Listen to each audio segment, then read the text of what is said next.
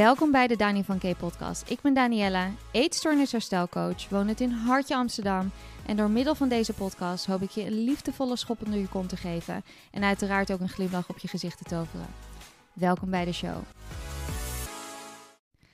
Hallo allemaal, welkom bij weer een nieuwe aflevering. We houden deze weer even heel kort. Deze is misschien wel het kortste ooit, um, aangezien ik zelf nog steeds in een uh, hele drukke periode van mijn leven zit. Maar desalniettemin zijn we er weer met een nieuwe aflevering. Ik hoop dat jullie een hele fijne dag hebben gehad, een hele fijne week. En we gaan het vandaag hebben over eigenlijk iets heel simpels. En dat is de beste tip in herstel. Er is niet zoiets als de beste tip eigenlijk, maar goed, ik moest een titel verzinnen.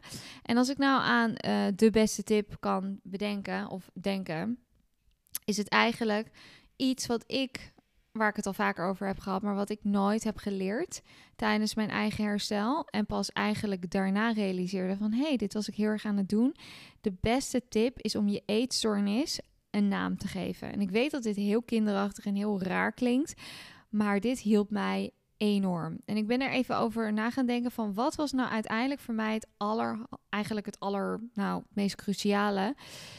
En dat was nou ja, sowieso die vijf elementen van uh, herstel, waar ik het al eerder over heb gehad in een podcastaflevering. Mocht je die nog niet hebben geluisterd, ga dan even terug. Ik weet even niet uit mijn hoofd welke aflevering het is. Maar mijn eetstoornis um, heette Ed. Nou, wat een verrassing. En dit kwam uit het boek van Jenny Shaver, Life Without Ed. En zij benoemde haar eetstoornis als Ed. Ed, Ed is natuurlijk een hele normale Nederlandse Hollandse naam. Je zal misschien een broer een, of een vader of een oom hebben die Ed heet. Zo heb ik een oom die Dick heet, wat, waar de Engelsen altijd heel erg moeten lachen.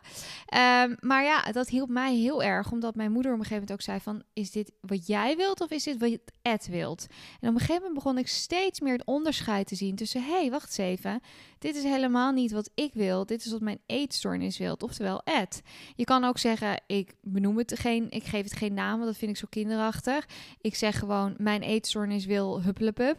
Maar soms kan het een hele handige tip zijn om je eetstoornis echt een koosnaampje te geven. En dat is niet een liefdevol koosnaampje, maar het is gewoon van hey Ed, shut up, ik ga nu dit of dat doen. Um, en dat heeft mij uiteindelijk achteraf gezien, en ik weet dat het heel stom klinkt, ontzettend geholpen. Want als jij continu zegt: ik kan dit niet, ik kan dat niet. Op een gegeven moment, alles wat je tegen jezelf zegt, ga je geloven.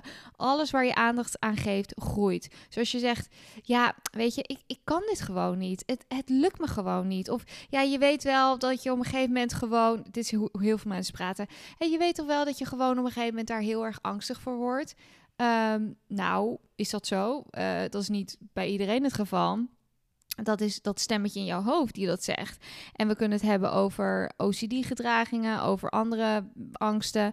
Maar in dit geval hebben we het echt specifiek over een eetstoornis. Dus bij mij heeft het heel erg geholpen om het echt een naam te geven. Sommige mensen noemen het Anna of um, nou ja, die hebben er allerlei andere namen voor. Maar in ieder geval een koosnaampje of een, gewoon een naam. Een koosnaampje klinkt eigenlijk veel te liefdevol. Een naam geven of een naam verbinden aan je eetstoornis heeft mij ontzettend geholpen om dat onderscheid te maken. Want zonder dat onderscheid te gaan maken, is het heel lastig om eigenlijk je eetstoornis te zien voor wat het is. En als je continu dus uit vanuit de ik-vorm praat, en ik weet dat dit soort dingen als iets heel simpels klinken van ja, maar ja, hoeveel moet het uitmaken als ik gewoon zeg van. Uh, ik vind dit heel spannend, of ik vind dit niet leuk, of whatever. Nou, het zal je verbazen hoe, wat een verschil dat maakt. Want nogmaals, jouw brein gaat op een gegeven moment telkens geloven dat jij dat echt heel eng vindt. Terwijl de gezonde zelf die in jou zit, die luistert naar deze podcast voor een reden. Hoogstwaarschijnlijk omdat jij wilt herstellen.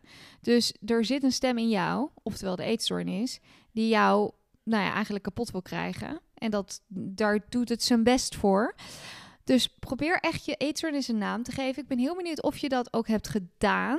Of dat je dat al doet. Laat het me vooral even weten. Je kan hier onder de podcast ook een comments doen. Um, of een, uh, een opmerking geven. Of plaatsen. Mocht je dit op Spotify luisteren.